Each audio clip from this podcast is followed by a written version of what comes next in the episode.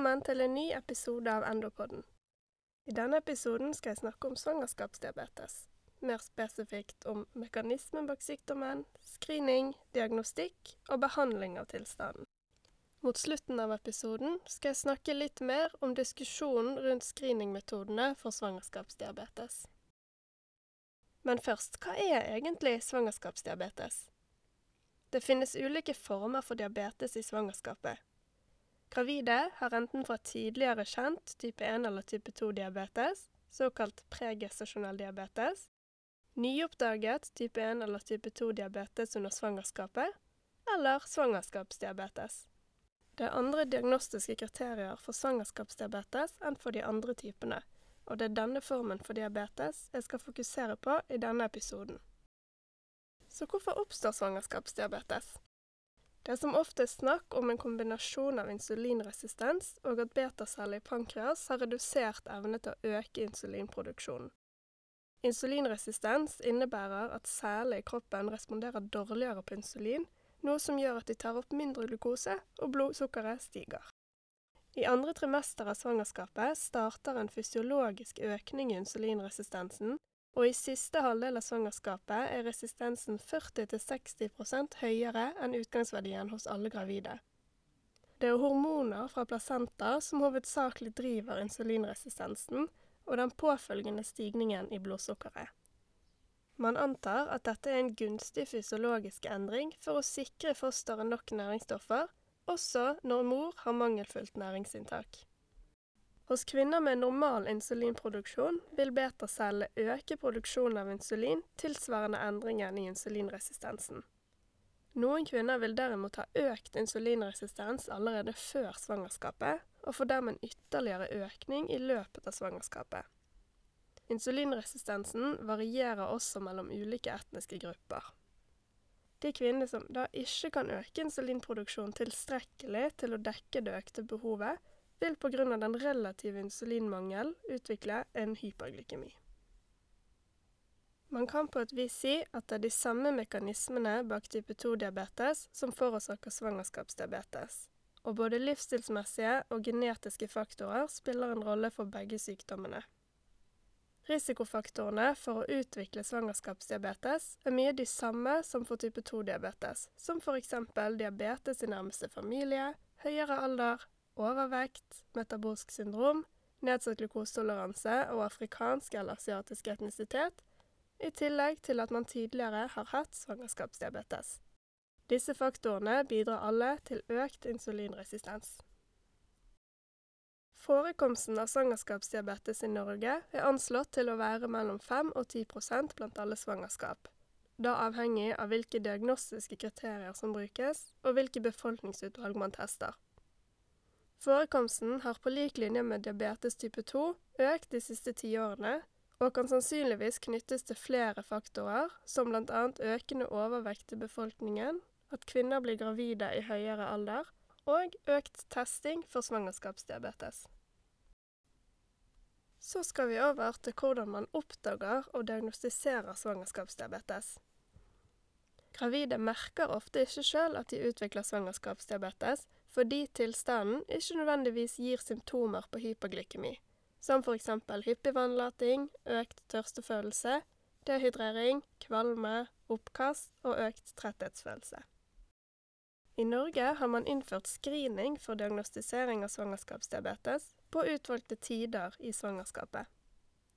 I løpet av første trimester vil man måle HbA1c hos kvinner med kjente risikofaktorer, som bl.a. BMI over 30, familiehistorikk for diabetes, afrikansk eller asiatisk etnisitet eller tidligere svangerskapsdiabetes. HbA1c er en blodprøvemarkør som gir informasjon om gjennomsnittlig blodglukose de siste fire til tolv ukene. Man tar denne prøven for å oppdage udiagnostisert pregestasjonell diabetes og de med økt risiko for å utvikle svangerskapsdiabetes. En HbA1c over 48 millimol per mol er diagnostisk for diabetes mellitus, og kvinnen skal da henvises til spesialisthelsetjenesten for behandling.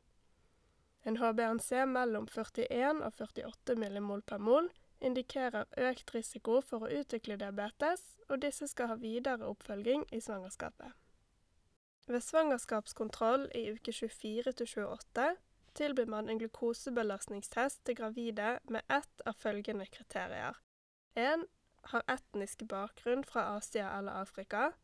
2. Har en førstegradsslektning med diabetes. 3. Hadde en pregravid BMI over 25. Eller 4. Er førstegangsfødende i en alder over 25 år. Dette tilsvarer ca. 70% av alle gravide i Norge.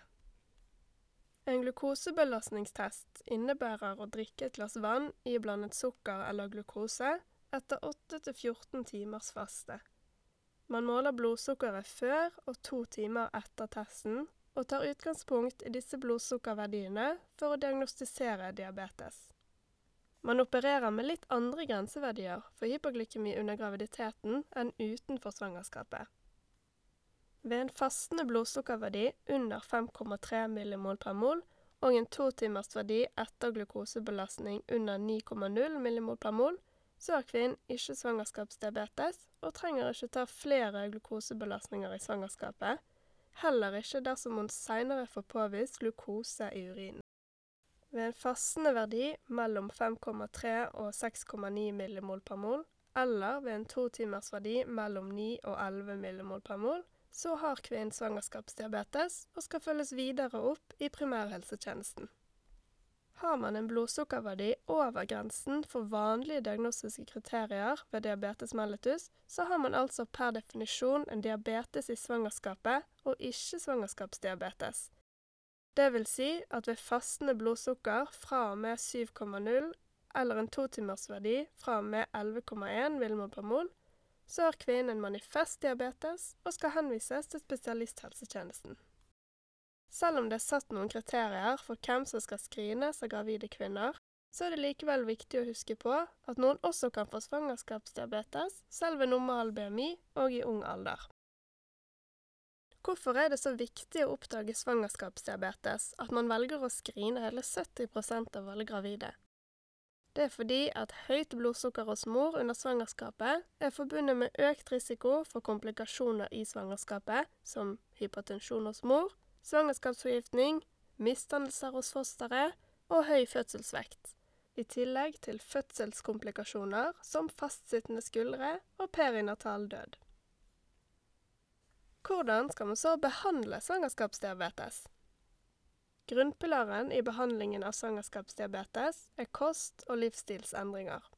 Dette innebærer fokus på jevnlig fysisk aktivitet, kostholdsveiledning og kontrollert vektøkning gjennom graviditeten. Kvinner får også utdelt et eget blodsukkerapparat og får opplæring i bruk av dette. Målet for behandlingen er å oppnå en fastende blodglukose under 5,3 millimol per mol og under 6,7 millimol per mol to timer etter et påbegynt måltid. Dersom kvinnen oppnår behandlingsmålet over en to ukers periode, så fortsetter oppfølgingen hos fastlegen. Hvis behandlingsmålet derimot ikke oppnås med livsstilsendringer, så skal kvinnen henvises til spesialisthelsetjenesten for videre vurdering hos en obstetriker. Hvis det så blir behov for glukosesenkende medikamenter, samarbeider man med en endokrinolog. Hos gravide bruker man da enten insulin og eller metformin. Videre er det anbefalt at kvinner med svangerskapsdiabetes henvises til en fødepoliklinikk i svangerskapsuke 36 for en ultralydundersøkelse og planlegging av fødselen. Basert på hvor god blodsukkerkontroll kvinnen har og har hatt gjennom svangerskapet, størrelsen og tilveksten på fosteret og forekomsten av eventuelle andre komplikasjoner hos mor, så vil man vurdere hvor tett oppfølging kvinnen skal ha de siste ukene før termin. Man vil også vurdere om man må planlegge å indusere fødsel før termin, eller om det er behov for keisersnitt. Svangerskapsdiabetesen forsvinner vanligvis etter fødselen. Det er likevel anbefalt at fastlegen følger kvinnen opp og måler HbA1c ca. fire måneder etter fødselen, og deretter årlig. Grunnen til dette er at disse kvinnene har en svært høy risiko for å få svangerskapsdiabetes i neste svangerskap, i tillegg til en økt risiko for å seinere utvikle type 2-diabetes. Kvinner bør tilbys livsstilsråd rundt kosthold, vekt og fysisk aktivitet.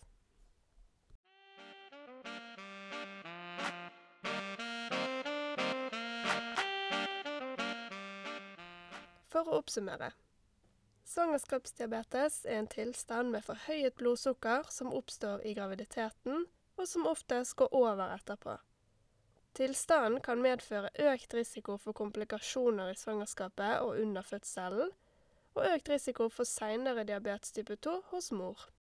Behandlingen av svangerskapsdiabetes innebærer kost- og livsstilsråd, egenmåling av glukose og eventuelt medikamentell behandling med insulin eller metformin. Helt til slutt skal jeg snakke litt mer om diskusjonen rundt screeningen for svangerskapsdiabetes. Helsedirektoratet laget nye nasjonale retningslinjer for svangerskapsdiabetes i 2017, som bl.a. inneholdt nye diagnostiske kriterier og la opp til intensivert screening av gravide. Screeningen bidrar til å avdekke svangerskapsdiabetes, sånn at tilstanden kan behandles, og dermed bidra til å redusere forekomsten av komplikasjoner.